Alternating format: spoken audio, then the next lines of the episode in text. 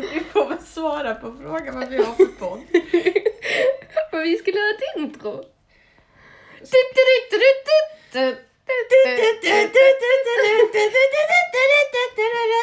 Jag kommer sluta lyssna redan nu.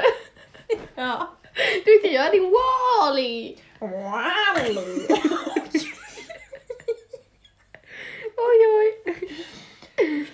Ah, Okej, gud. Ja, men vad vi har för podd kan vi börja med. Vad har Ja. vi för podd, Linda? Vi har en jättefin liten podd som vi har skapat här i, i coronakarantänen. Joxie. Mm. Ehm, och ehm, ja, ehm, den här lilla podden föddes som så att vi skulle... Ja, vi har alltid pratat, både du och jag, väldigt mycket om Mm. psykisk ohälsa och, och våra egna erfarenheter av det på olika sätt och vis. gud, jag tänkte på det här vi, vi har pratat om det i fem år. Ja. Fy fan. Vi har ändå några som lyssnar. Ja. And that's good, it's appreciated. Nej, men eh, i alla fall, så att lite därav egentligen så föddes väl idén om att skapa en podcast. Mm. Eller ja, egentligen har vi pratat om det i många, många år också. Men Ja. det har inte riktigt kommit till skott, typ. Nej, och så tänker jag nu när man ändå sitter hemma och gör ingenting så är det ju lika gärna... Ja. Kan man ju göra någon nytta här i samhället. Ja. Ja, jag menar man kan alltid hjälpa någon. Ja, men vad är det, vad, ehm, vad är det för erfarenhet vi har, Linda? ja du. Nej, men det som är kanske lite unikt med oss som skulle marknadsföra oss på något sätt. Nej, men alltså. Jag själv i alla fall har ju främst varit drabbad av depression och, och ätstörning. Ehm, ja, i första hand anorexi. Ehm, sen är det ju allt det här med samsjuklighet och så kan man ju diskutera ett bra tag med hur det hör ihop och vice versa. Ehm, men i alla fall, det är ju min, mitt största fokusområde som jag sprider mycket eh, via mina kanaler på sociala medier och så. Eh, också i arbetet med Frisk och Fri, men ehm, ja, men just det här att, att psykisk ohälsa överlag och också att vi båda två ändå har haft det sedan ganska tidig ålder och lite så här växt, växt med den psykiska ohälsan så att säga. Ja, jag har ju, vi har inte exakt samma, alltså vi är väldigt lika men väldigt olika i mycket. Mm, Alltså ätstörningen har vi ju gemensamt, du är värre än jag. mm. Eh, och på det sättet har vi båda varit anhöriga till varandra. Ja, det är det som är lite unikt menar jag. att- Ja, alltså vi har inte dragit ner varandra utan tvärtom. Ja. Att eh, när den ena inte vill äta så tvingas den andra äta för att den andra vill att den andra ska äta. Jo, lite så. faktiskt. Ehm, så att, eh, och jag har ju, dels har jag haft depressionen men jag tror jag formas mest av traumat på trauma tror jag. Mm, Och bara psykisk misshandel och förvirring och eh, bara en väldigt otrygg eh, plats. mm, Ja. Och därifrån har allting kommit liksom. mm. Ja, och sen mycket det här att, att ehm, jag menar, vi har varit öppna om det väldigt länge och eh, vi har ju också båda två fått höra väldigt ofta i terapi och så liknande att men gud, du har sån självkännedom, du kan så mycket om dig själv, typ så. Mm, ja. Eh, du har sån självinsikt. Eh, och lite därifrån så kommer ju också det här att vi tänkte att ja, men vi kan dela med oss ännu mer för att vi på sätt och vis har vi arbetat det här så länge så att eh, vi har verkligen fått, alltså det är väl det positiva utav alla åren med eh, svårigheter, att man har fått ut ändå en hel del positivt ifrån det. Utan att på något sätt liksom försköna den psykiska ohälsan eh, på något sätt. För att det är absolut inget som man önskar någon eller rekommenderar. Men eh, jag menar, samtidigt så tror jag också man måste få man måste se de där positiva grejerna som det för med sig för att annars pallar man liksom inte. Nej, och det tänker jag ofta på att alltså, någonstans när man är där man är idag, Mm. efter allting, Mm. även fast man går i terapi, man äter fortfarande medicin och man eh, får fortfarande kämpa varje dag, Mm. så känner jag att jag hade inte velat att inte ha det så, för att då hade jag inte varit den jag är idag. Nej. Och jag hade inte haft all den här kunskapen och alla de här, eh, den här styrkan jag har att lösa problem eller att ta mig framåt. Eh, alla de sakerna Nej. som gör att jag kan fortsätta leva. Liksom, jag hade inte haft det då. Nej.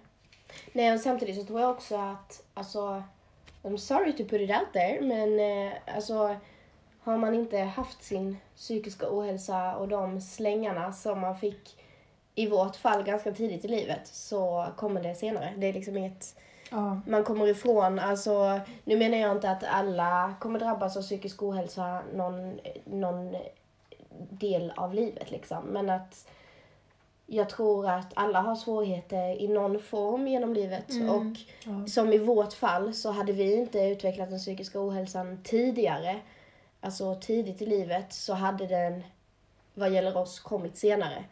Så att Ja. på något sätt så känns det bra att man har fått den självkännedomen och insikten så pass tidigt innan livet liksom har gått vidare så pass länge. Ja, och jag, tänker, jag får ju höra jätteofta att eh, gud vad bra att du tar tag i det redan nu. Mm. Jag vet alltså kompisars kompisar eller kompisars eh, fastrar eller liknande som är liksom 30, 40, 50, 60 och fortfarande Mm. liksom om jag hade det så svårt när jag var yngre och jag klarade inte av det där för att och alltså att jag vet inte att ta det så tidigt som möjligt för att sedan kunna leva livet. Mm. Och det kan, alla kanske inte kan det, alla kanske inte har möjligheten, alla kanske inte har, jag vet inte, ja, Mm. modet, jag vet inte, stödet, vad Nej. man nu behöver.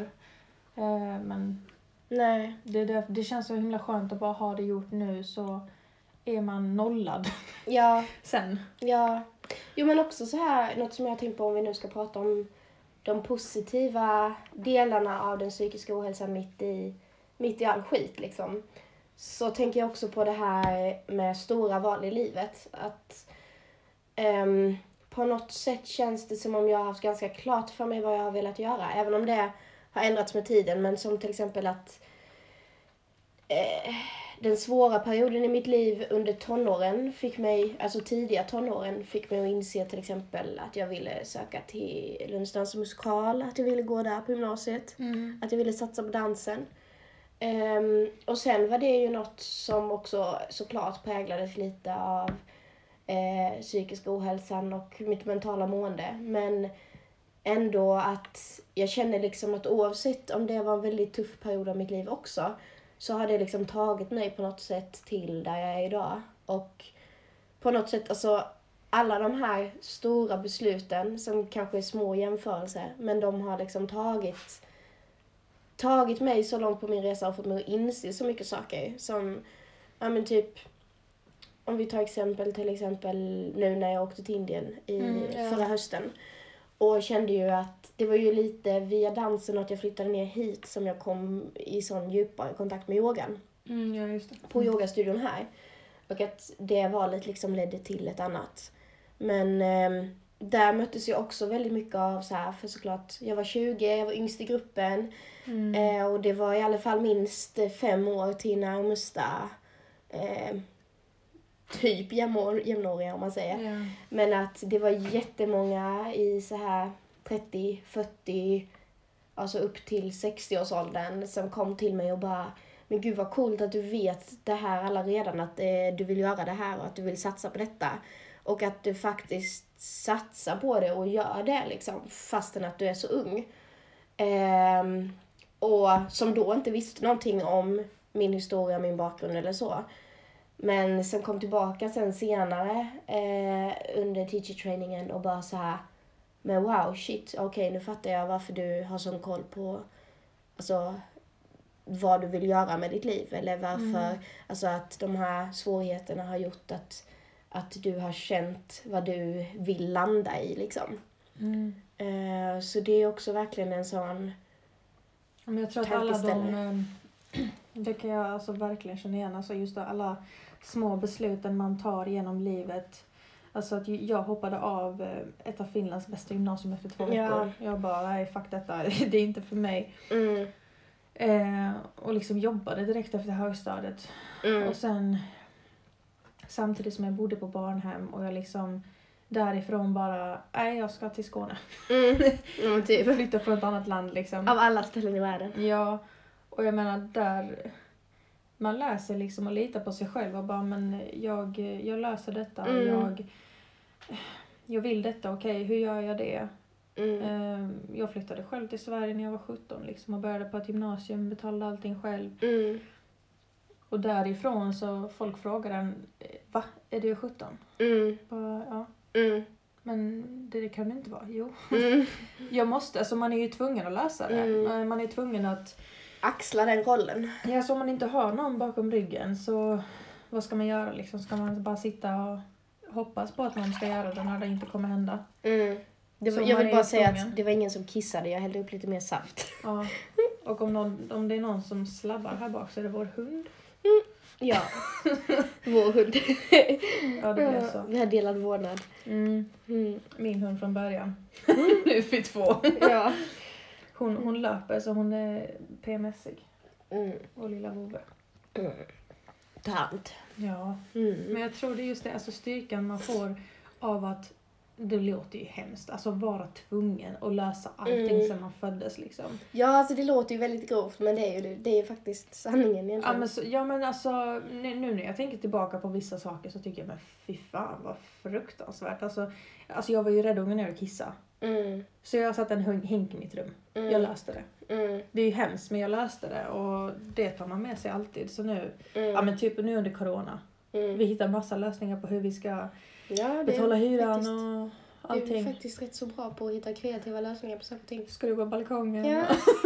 Häromdagen skrubbade vi min balkong, det blev jättefint. Ja, det var verkligen natt och dag. Det var till och med så vaktmästarna frågade vad vi hade skrubbat den med för att den blev så fantastiskt fin. Diskborst. Och jag bara, eh, jag vågar knappt berätta vad vi skrubbade den med. Men ja, som sagt, kreativa lösningar. Mm. Det löser allt. Mm. Verkligen. Ja, lätt. Nej, men ehm, Men hallå, var nästa fråga här? Varför vill du göra podden, Linda? varför vill jag på den? Alltså, dels är det ju det här som vi var inne och snuddade lite på innan, att vi har lite unikt perspektiv på det hela i och med att om vi ska titta främst på ehm, matproblematiken och ätstörningsdelen av det hela eh, specifikt så har vi ju själva både ett drabbat perspektiv och ett anhörigperspektiv. Mm. För att vi själva båda två har mer eller mindre haft en problematik och varit anhöriga till varandra i och med Ja. att vi ändå eh, har varit så nära varandra. Vi möttes ju sent i livet som man ska säga, med tanke på vår ålder. Vi är liksom inte 70 än men, men eh, Ja, vi, med tanke på ja. sjukdomen kanske. Ja, men lite så. Alltså vi, jag menar, vi, är inte, vi har ju inte växt upp ihop, om man säger. Utan Nej. vi träffades ju när vi flyttade ner och var 15-16, typ. Mm. Eh, så det var ju några år sedan. Men jag tänker också det att, att du har ju varit mer illa däran än jag. Jag, eh, Ja. jag har ju alltid haft matproblematiken på det sättet jag alltid tänkt för mycket på det. Mm. Alltså liksom jag har börjat träna lite för mycket. Jag har bara så här, åh till sommaren ska jag ha sixpack och så börjar jag svälta mig själv en vecka. Sen börjar jag överäta igen och så har jag Mm. hållit på så lite fram och tillbaka. Men det var ju först i gymnasiet när vi kände varandra som det verkligen slog mig. Mm. Eh, men och jag, jag tror att det är också, alltså just att du måste inte att det finns massa olika perspektiv på en ätstörning också. Mm. Man måste inte ligga på sjukhuset Nej, gud och vara nej. döende för att ha en ätstörning. Om, om man nej. tänker mycket på mat, tränar lite för mycket, eh, ser sig själv i spegeln och vill spy. Mm. Du är sjuk liksom. Mm. Det är det som är så dumt med vården, att de tar ju in en först när man är Ja. nära döden liksom. Och det är ju just det också, att jobba för det här att våga ta hjälp och liksom sträcka ut en hand eller ett lillfinger eller en tå eller whatever till någon. Ehm, just för att det behöver liksom, alltså man ska aldrig behöva känna att det behöver gå så långt att man håller på att dö eller att pulsen Mm. sviktar eller att hjärtat håller på att ge upp. Alltså en ätstörning kan komma i så himla många former och det är minst lika viktigt hur den ser ut. Alltså så fort man själv känner att, att någonting står inte rätt till eller att ens syn eller tankesätt på mat har förändrats så, Mm. så Det kan gå så fort sen. Ja, så våga liksom bara våga ta hjälp. Och man kan säga det så här nu också i efterhand, även om jag själv har varit eh, väldigt svårt drabbad själv personligen, så kan man få det att låta så himla lätt. Och det vet vi ju båda två absolut, Mm. att det är inte så himla lätt att ta den där hjälpen. Eh, och många gånger, som till exempel när jag insjuknade första gången, så eh, kände jag ju inte ens själv att jag var sjuk för att jag var ju sån grov eh, eh sjukdomsförnekelse Nej, jag tänker det, själv. det är också att det kan, man kanske inte alltid själv vet att man är sjuk. Nej, precis. Alltså för att, för att eh, ja, men jag kommer ihåg när jag gick till Johanna, kuratorn på vårt gymnasium, då sa jag ju mm, Ja men eh, jag behöver inte, jag, för att jag är rätt så, jag är lite större byggd än Linda, jag tränar mycket och har mycket muskler och så här. mm, Och jag kände liksom, nej men eh, jag kan svälta jättelänge innan jag går ner på ett BMI på, vad var det, 14 vi hade på skolan. ja, För då sa hon till mig, ja men om du går ner under det så får du inte dansa längre. mm, Men jag bara, men det kommer ta jättelång tid. Så, Mm. så tänkte jag liksom, men det är lugnt, jag kan svälta jättelänge innan jag be- behöver sluta dansa. mm. Så man förstår inte själv att man är sjuk. Nej. Och det som är så himla farligt. Det är det som gör problematiken så himla komplex också, tänker jag. För att, alltså som sagt, eh, och det är väl en fråga jag har fått ganska ofta, liksom att, att men hur känns det att vara sjuk? Och jag tänker att det kan vi tillägna ett helt, ett helt avsnitt till olika former av hur det kan kännas och se ut och så. Gud. För det kan ju vara så himla olika. Ja. Men alltså just det här att, att folk undrar att hur vet man, hur gör man och liknande frågor. Att liksom när jag tänker tillbaka till när jag först insjuknade. Eh, alltså jag, jag vet ju och minns att det gick väldigt, väldigt, väldigt fort. Ehm, och jag kommer också så skarpt ihåg att alltså, jag var i sån grov förnekelse så att jag Alltså på riktigt, det var inte det här att Alltså jag lurade mina anhöriga så hårt att jag hade redan ätit eller jag var inte hungrig eller jag åt hos en kompis och liknande Mm, ursäkter. ja. Så att jag lurade liksom mig själv också. Så att det var verkligen inte så att, att jag kände att jag var sjuk mm, och ville gömma det, inte till början i alla fall. Nej. Utan det var verkligen, jag trodde verkligen att, att jag var som vanligt och att jag var frisk. Mm. Ehm, även om jag kände visst alltså att en rädsla inför mat och en ångest inför måltider och så sakta men säkert tilltog. Men så kan jag än idag inte säga att, att jag var medveten om att jag var sjuk. För att jag var ju sån...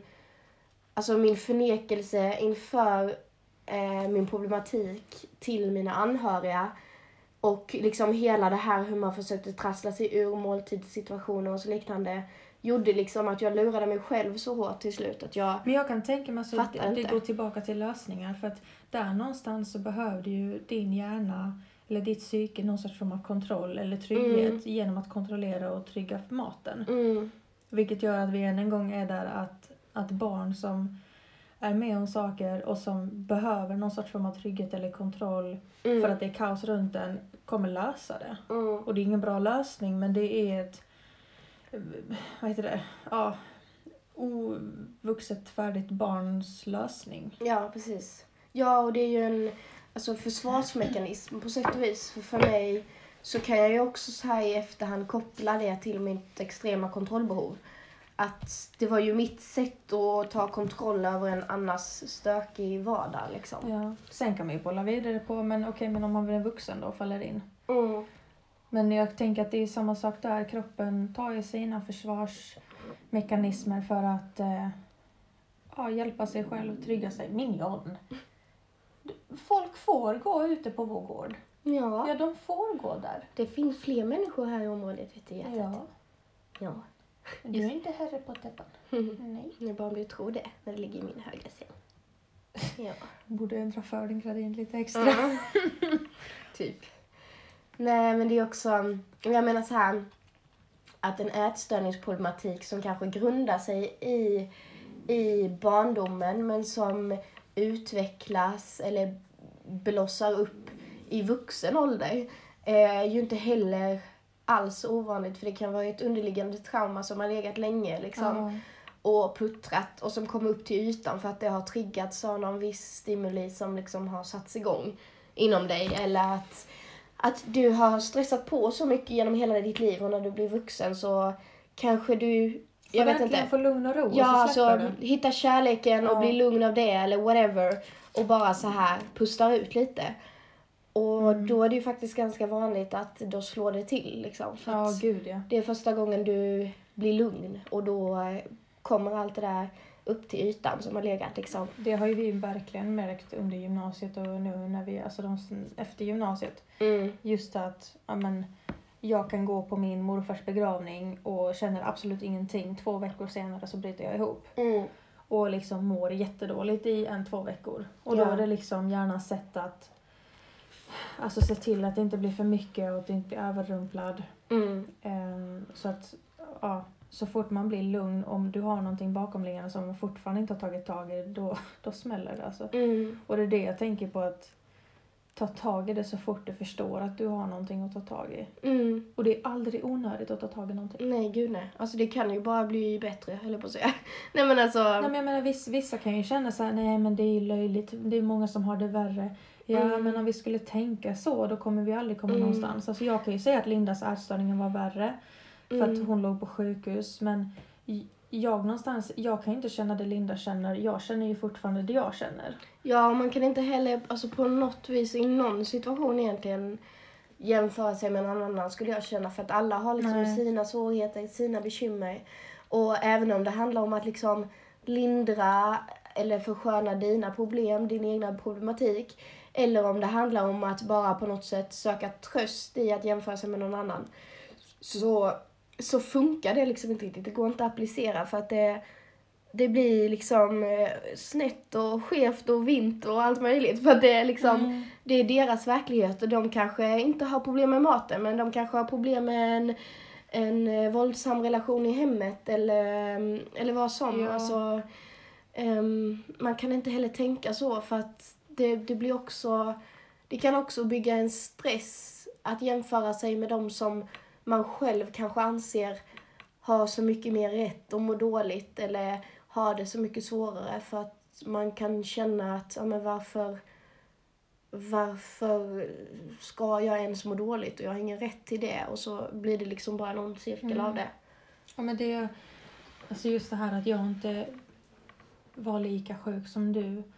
Men jag känner att någonstans så kanske jag hade mer tur än du för att det bröt ut senare. Mm. Och jag kände dig och jag kände att om jag inte äter så vill inte du äta. Så jag måste ju äta för att du ska känna dig trygg att Mm. äta.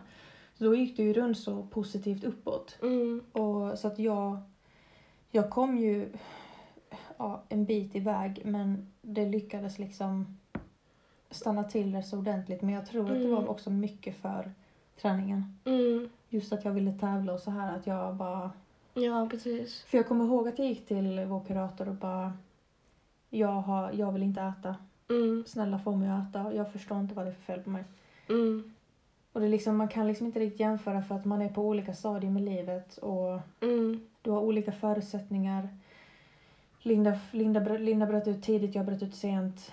Någon kanske räddades och fångades tidigare i insjuknandet. Och, Mm. Alltså det är så många faktorer också som, som är med i hela symbiosen liksom. Så att det... ehm, Ett barn som har upplevt ett trauma kanske har kaos när den är 30 men ett Mm. barn som har upplevt 20 trauman och har tagit tag i det i tidig ålder kommer inte må dåligt när den är 30. mm, Så det, det är så himla... mm. Ja, det går liksom inte att räkna på det sättet. Nej, gud nej. Men också så här, jag tänkte på när vi var inne och pratade på eh, om det här med att eh, vid första liksom, varningssignaler man själv upplever att våga söka hjälp hos någon eller, eller något liksom. Mm. Eh, vare sig det är skolkurator, eh, skolhälsan överlag, en kompis, en pojkvän, en mamma, pappa, mormor, farmor, Mm. whatever. Alltså, så kan man få hjälp och, och sen koppla det vidare liksom till där man på något sätt känner att man hamnar rätt till slut. Liksom. Mm. Men att också, eh, känner jag är väldigt viktigt, också ta andras signaler på allvar. Ehm, som till exempel eh, när jag först blev sjuk också så hade jag en kompis som eh, signalerade en väldigt stark oro. Ehm, och som jag, ehm, och som står mig väldigt nära och har stått mig väldigt nära hela livet. Ehm, men att jag också i den stunden hade så svårt att förstå den här oron för att jag var i sån Mm. förnekelse själv. Men därmed, i och med att jag fortfarande var inom BUP så att säga och inne, under ehm, mina föräldrars vårdnad så eh, kunde ju alltså mina föräldrar kontakta BUP och alltså vidare instanser så. Men att också liksom lyssna in sina anhöriga oavsett ålder eh, som man själv har. Och um, liksom ja, ta det på allvar och också att försöka tänka att det verkligen är av omsorg att de bryr sig och känna det inom, inom sig liksom. Eh, och precis som jag har sagt till väldigt många också som har frågat att ja, men jag tror att min vän eller min flickvän till exempel eller pojkvän eh, kanske håller på att få en ätstörning. Vad ska jag säga liksom? Eller hur mycket ska jag säga att, att jag misstänker om man säger så liksom? Mm. Att, att jag uppmärksammar. Eh, så brukar jag alltid bara säga att men, alltså, var helt öppen, ifrågasätt allt liksom.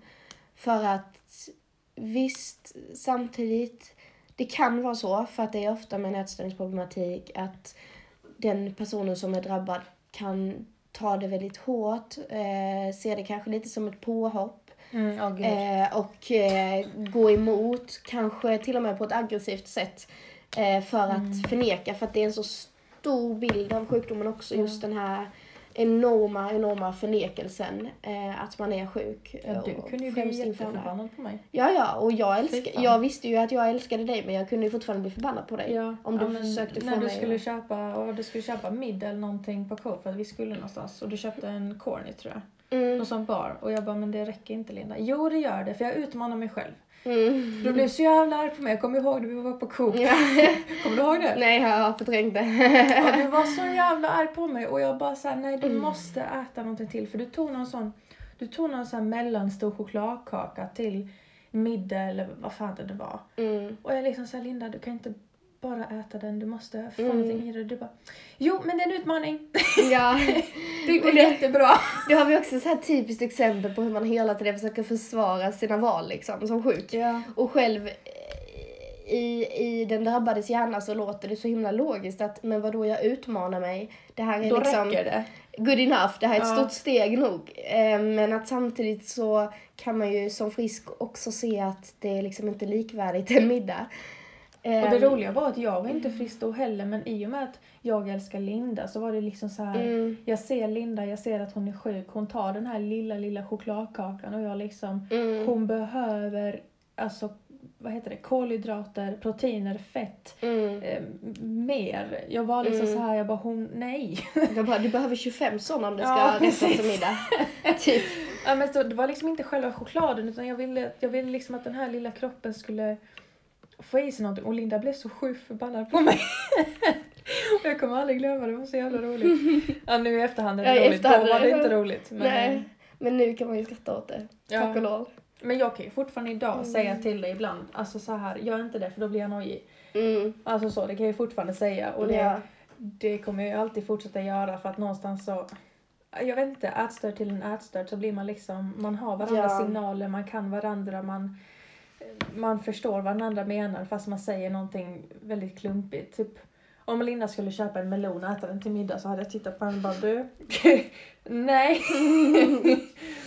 det hade liksom inte gått. Nej. Nej, men också, alltså det är väldigt... ehm, vad skulle jag säga? Jag skulle komma till någonting. Jo, jag skulle komma till att ehm, eh, det här med att ja, men, gå emot och kanske uppvisa ett aggressivt beteende mot de man älskar allra, allra mest för att man är så pass sjuk att det Ja. blir, blir ens eh, sjukdomens, ska jag säga, försvar. Eh, att liksom eh, gå emot den man älskar. Eh, Fysiskt, psykiskt eller rent bara med ord. Men ehm, att också som anhörig bara ha i åtanke att det är verkligen sjukdomen som talar och det kommer gå över och du kommer bli förlåten. Sen är det liksom inget som ska behöva bli förlåtet.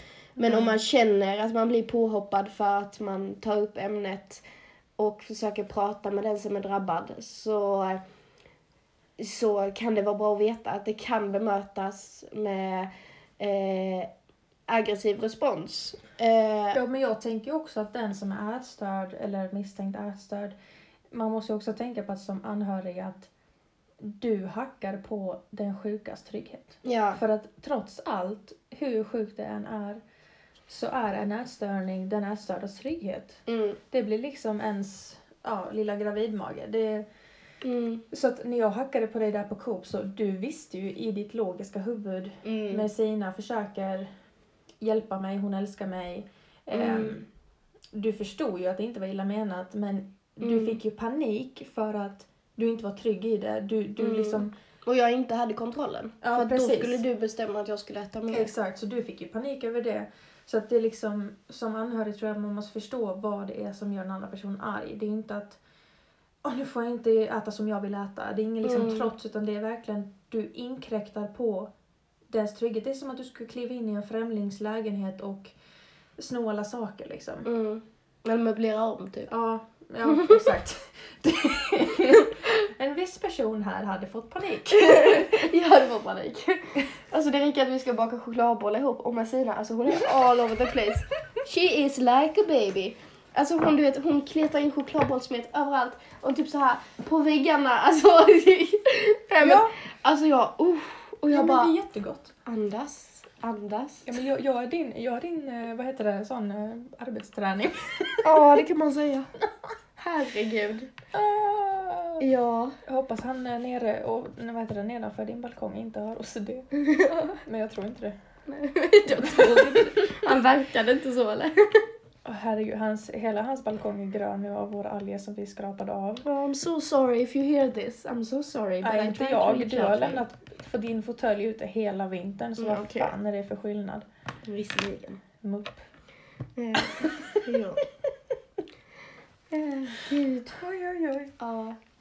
Nej men. ehm, jag vet inte. Summan av kardemumman är väl typ att... eh, Baka chokladbollar. Ja. Baka chokladbollar, våga ta hjälp, våga vara anhörig och våga säga till som anhörig. Eller vad du än är. Alltså också faktiskt som främling på bussen. Eh, Det kan eh, låta lite sketchy men våga säga till om du, om du. Om du känner att, att eh, något är fel eller att, jag menar, det har jag varit med om några gånger, vilket man kan tycka och tänka vad man vill om, men att en främling sitter och gråter och har uppenbar ångest på tåget eller bussen. Ja, ja, gud. Att liksom våga gå fram till den här personen och bara, alltså fråga bara, du behöver liksom inte så här fråga vad det handlar om eller börja nysta i det så, men du kan säga bara att jag ser att du mår dåligt, säg till om jag kan göra något. Ja, liksom. jag tänker, det behöver inte... Jag förstår du att du menar att man ska gå fram till folk som var smala? jag bara, nej, gör inte det. Men, men eh, de behöver inte ens, alltså... Det är klart om du ser att någon liksom bokstavligen håller på att falla ihop för att den benen inte bär. Det är klart du ska liksom gå fram och rädda, men Ja, och där kan du också bara gå fram och fråga Um, se till om du behöver något. Alltså du behöver inte heller känna att du måste gå in och specificera för att samtidigt så, så lär den här personen ha ehm, lite koll. hum om Ja. eller aning. Ja, eller, jag tänker personen i fråga kommer inte behöva bolla sin bakgrund. Personen i fråga behöver ju Mm. trygghet i sekunden. Ja. Just, då, just då kanske den här personen behöver en kram eller ja, bara någon som håller den i handen när den går på ICA eller kanske jag vet inte, personen kanske bara har klaustrofobi och inte tycker om att sitta på tåget och det är Mm. första gången den åker. Mm. Gå fram och sätt dig bredvid. Jag Mm. gör inte det nu för det är corona. Men, men annars. I normala tider. Ja, men jag menar det har ju hänt oss jättemånga gånger när vi har Ja, gått på visst. ICA eller Coop eller vad som helst och vi ser någon som vi uppenbarligen ser att är sjuk och som det här är en sån ätstörd grej. Man, liksom, man, man lär sig Mm. man lär sig känna igen tecknena så att det, man ska inte liksom göra så med varje smal människa man ser. Men just att man känner igen tecknena som, ät, som före detta ätstörd och man, man Mm. liksom ser hur människan kämpar med att handla. Mm. Alltså att man, man ser att de kanske har fått en uppgift från läkaren eller från sin Mm. psykolog. Bara köp en chokladkaka. Mm. Du behöver inte äta den, bara köp den. Och man ser att de står och kollar på den här jävla chokladkakan i 20 minuter. Mm. Och man vill bara gå fram och ta med dem hem och bädda Mm. ner dem. Mm, typ. Ja. Sticka pannkakor medan de sover i sängen typ. Ja. Nej men så. Nej men att, ehm, ehm, ja. Alltså som sagt, med det sagt så eh, menar vi inte på något sätt på att, att, att vi på något sätt är experter på detta med psykisk ohälsa Gud, eller nej. att se om folk är sjuka eller inte. Men, ehm, ja. men eh, jag menar, Eh, Jag skulle ändå vilja säga liksom bara så här att mm, våga lita på din magkänsla. Oh, gud, oftare ja. än vad vi gör i dagens samhälle. För att ofta säger den ganska mycket och väldigt, väldigt ofta så har den också rätt. Eller till viss Mm. del rätt. Ja, och helt ärligt tror jag att, att gå fram till någon som är ledsen tror jag i många fall, eller flesta fall, hjälper mer än vad det stjälper. Ja, precis. Vissa vill vara i fred, men jag tror att ofta så, när man väl har gått fram så vill de verkligen bara ha en kram. Mm. Ja, och går du också in med en sån öppen och lätt approach som att Vänlig. Alltså liksom inte vara för specifik, bara visa vänlighet och empati liksom. Så kan det ge dem en känsla, alltså känslan kan räcka för att de ska känna sig lite, lite tryggare eller lite, lite mer sedda. För det kanske just det de behöver. Mm. Att bara känna att de är sedda liksom. Ja, bara för att kanske kunna ta sig hem eller vad som helst. Ja. De kanske till och med står och funderar på att hoppa framför tåget. Mm. Du ser att de nojar, bara ge dem en kram. Du kanske gör att den här personen hoppar på tåget och åker hem istället. Mm. Ja, det är så här small act of kindness, verkligen. Och det, Ja, och det kan vara så lite. ja, det kan betyda så himla, himla mycket. Hjälpa Mm. tanten över vägen. Mm, men typ. Du kommer hem alive. Mm. Men tanten ska inte gå ut på vägen nu. Nej, de ska helst hålla sig inne. Mm, det gör de inte. Mm, annars kan vi komma och handla åt er. Mm. Om det är någon tant som lyssnar på det där. Ja, speciellt här i Oxie. Mm. ja. Ehm, nej, men... ehm, Vad ska vi prata om nästa gång, Linda? ja, vad ska vi prata om nästa gång? Och vad har vi pratat om idag? Spännande. Jag är jätteförvirrad. Vad har vi pratat om? Jag vet inte möjligt. Nej, men jag tycker att idag har ändå varit lite så här bra mjukstart. För er kanske det inte känns som en mjukstart för vi har bara bombarderat med eh, gud. ehm, tankar och så. Men eh, För oss är det här mjukstart. Då förstår ni vad som kommer komma. Boom! Nej, men ehm, jag tänker att nästa gång så, jag vet inte, man skulle väl kunna prata lite mer om ehm, ehm, kanske um, ångest. Hur man upplever den, var den kan komma ifrån, alltså olika exempel, olika situationer. Vi kan ju också berätta lite bara nu kort vad vi har planerat att vi ska, alltså i allmänhet prata handla om ja, Mm. i framtiden. Liksom. Vi har tänkt mycket på före, under och efter Mm. någon sorts form av mental ohälsa, ätstörning, eh, skilsmässa, avbrott, whatever. Mm. Eh, och sen har vi också pratat om eh, just det här anhörig och sjukperspektivet Mm. i och med att vi båda har det. Mm. Ehm, ja, som jag pratade om lite om, alltså hur som anhörig, att man ska, hur man ska, hur min dotter har blivit inlagd eller min kille har blivit inlagd. Mm. Vad gör jag? Mm. Våldsamma relationer. Mm. Har vi Och mycket det här med um, medsystrar och systerskap gud. också. Mm. Att, eh, att man faktiskt kan stötta varandra eh, genom sådana här svåra saker även om man båda två kämpar. Eh, för att det är vi väl lite levande exempel på egentligen, skulle jag säga. Mm. Ehm, också det här att sjukvården idag fortfarande faktiskt är väldigt fokuserad på, alltså det är mycket hysch-hysch patienter, patienter emellan. Gud vad tysk jag blev där. Patienter. eh, men nej, mycket så här hysch-hysch på avdelningarna. Eh, på många ställen i landet, jag säger inte att det är så överallt, men att man eh, inte får prata med varandra för att man kanske kan, ja, med rädsla för att man ska trigga varandra. Formatfokuserat. Och vi kommer att prata jättemycket om vården. Ja, det också. Vi båda, jag var inlagd för psykos, en annan form av psykisk ohälsa. och Linda var inlagd för ätstörning. Eh, Mm. och jag har även varit inlagd innan i yngre, yngre dagar. Så vi har ju många sidor av vården. Mm. Ehm, och vi har ju många saker att säga där. Mm. Ja. Jag har också ett perspektiv på, det är också ett sånt här klassiskt exempel på liksom vården före, under och efter. Ja, Alltså gud. så här eh, hur man tänkte när man var sjuk och var i vården och hur man ser tillbaka på det man tänkte när man var sjuk när man är i livet utanför. Mm. Ehm, och det kan eh, man också prata om i en evighet för det kan bli väldigt intressant, de olika Ja. perspektiven.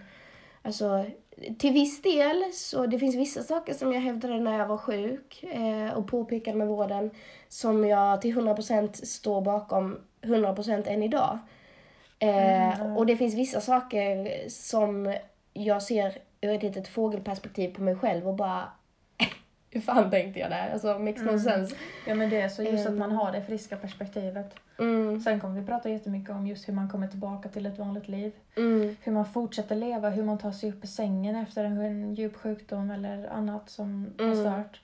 Eller, och sen också när man väl har kommit upp hur man alltså fortsätter leva helt enkelt. Hur man fortsätter vara... Hur man kommer tillbaka eller kanske...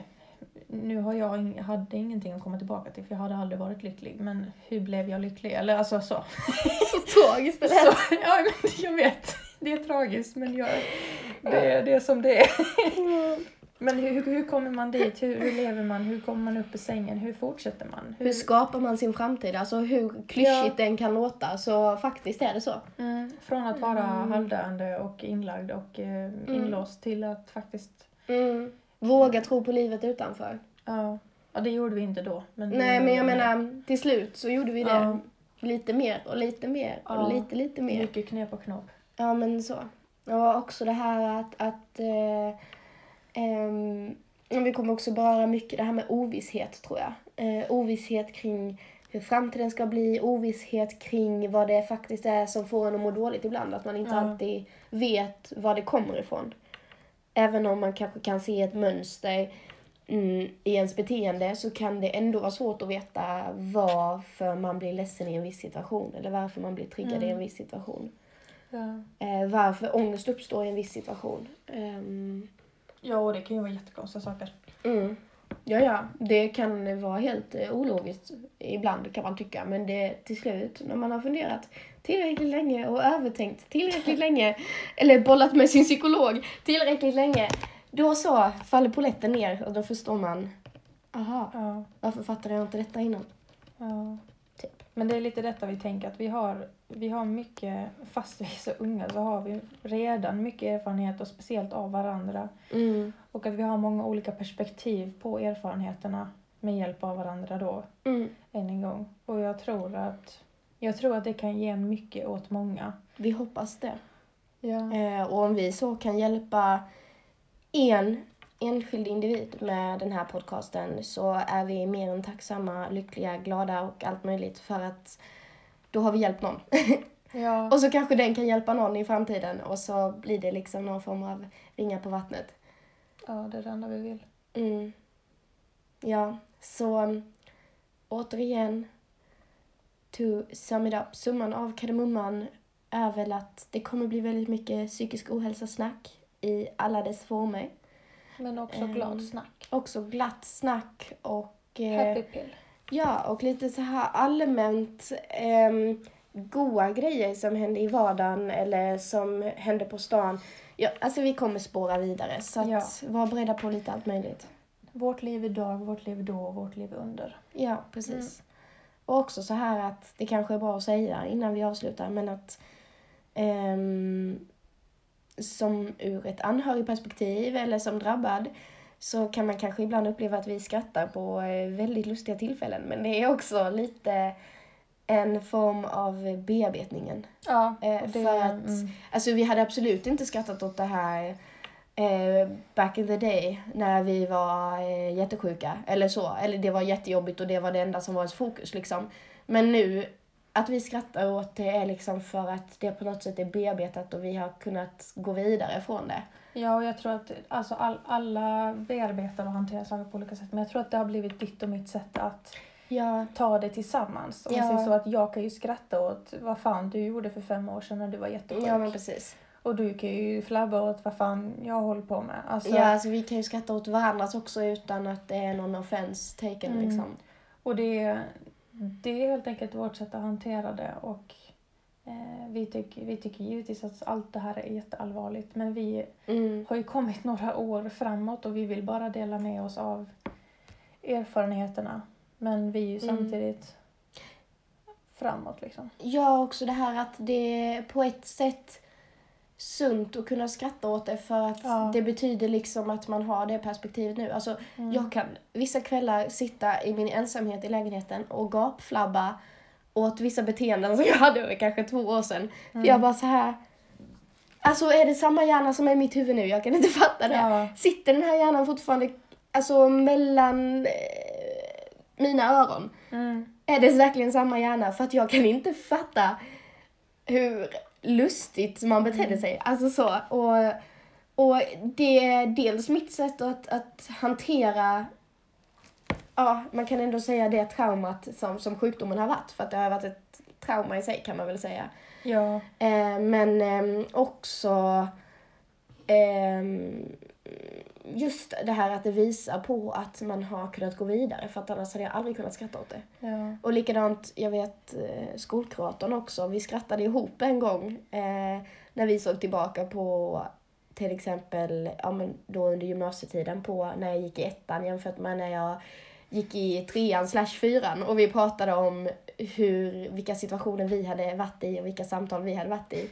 Så kuratorn till och med började gapflabba. Hon bara förlåt, alltså jag kan inte så här, jag kan inte hålla mig för att det var faktiskt riktigt roligt. Eller alltså så här. Ja. Eh, och vi, det var liksom så himla härligt för vi bara satt där och skrattade ihop över, över ja, men hur flippad situationen var liksom. Ja, och det var så skönt, det var som befrielse på något sätt. Ja, men jag tror att alltså, man ska ju aldrig skratta åt någon. Men vi, vi, nu är ju vi två så här. Vi skrattar åt varandra och åt, åt Ja. oss själva. Men det är ju... Alltså när man har kommit över någon sak och liksom bara tittar tillbaka och bara, vad fan var det? Mm. Alltså det, det är samma sak som du har varit ute på klubb och så gör du bort dig riktigt illa. Mm. Du kanske, jag vet inte, tappar bort din plånbok, du skär upp din fot på en glasbit för att du gjorde en lite för allvarlig piruett på dansgolvet och sen så vaknar du upp nästa dag och alla de här sakerna är ändå rätt så allvarliga. Du tappar bort din plånbok, du skär upp foten, du kanske hamnar på akuten men du skrattar som fan åt det dagen efter. Ja. ja men det är, lite, det är lite samma sak. Ja. Bara att det är en lite större förlopp. Jo men det är så. Alltså ja. Ja, vad Det- fan var det? Ja. Nu ska vi prata om allt det där som vad fan var det? Ja men typ, nej men det mm, ja, kan vara bra att veta. Mm. En liten hint hint som man kan bära med sig om man nu väljer att fortsätta lyssna på det. Om man får skratta åt oss. Ja gud, alltså skratta på. För att vi, det är det enda vi gör åt oss själva också så. Det är viktigt att kunna prata avslappnat om det och eh, Mm. ja, man ska, ja. öppna upp. Och också kanske vi ska tillägga innan vår lilla påhittade slutjingel här att, att eh, vi har ett Instagramkonto som ni kan följa som heter eh, Happy Pill Talks. Mm. Eh, Inte riktigt uppstartat än men det startar ju upp nu med podden. Ja, precis. Eh, och där skulle jag säga att vi kommer ha lite så här, frågor och svar i stories till exempel. Så att eh, när vi väl har det, om ni väljer att gå in och klicka följ på detta kontot, så kommer ni att kunna vara med och ställa frågor och också påverka vad som kommer att eh, diskuteras i podden. Och eh, även ställa frågor. Ehm, jag tänker att vi kommer säkerligen ha en, alltså vissa podcastavsnitt som är helt och hållet tillägnade Frågestund. frågestund. liksom. Mm. Mysigt. Ehm, för det är jätteviktigt för oss också att ni som lyssnare får vara med och påverka och ehm, Få svar på era frågor. Ja, alltså ställa frågor och verkligen så här. När vi lägger ut de här eh, frå alltså frågestunderna som ni kan skriva till oss och fråga vad ni vill. Fråga verkligen vad ni vill. Alltså det finns Ja. no shame in here. Ja, det finns verkligen inga gränser. Alltså det finns inga dumma frågor, det finns inga dumma svar heller. För att allt ser olika ut som sagt. Men alltså fråga på och känn verkligen inga begränsningar för att eh, det är verkligen allt vi vill att ni bara, Vräker ur er. ja, Så vi kan vräka av oss här. Ja, precis. Våra svar. Så att det blir vårt bästa samarbete för den psykiska ohälsan. Eller hälsan. Precis. Happy Pill Talks. Yes. Så klick, klick, follow, follow. Eh, ja, det där var nog Marcinas lilla outro tror jag. Okej.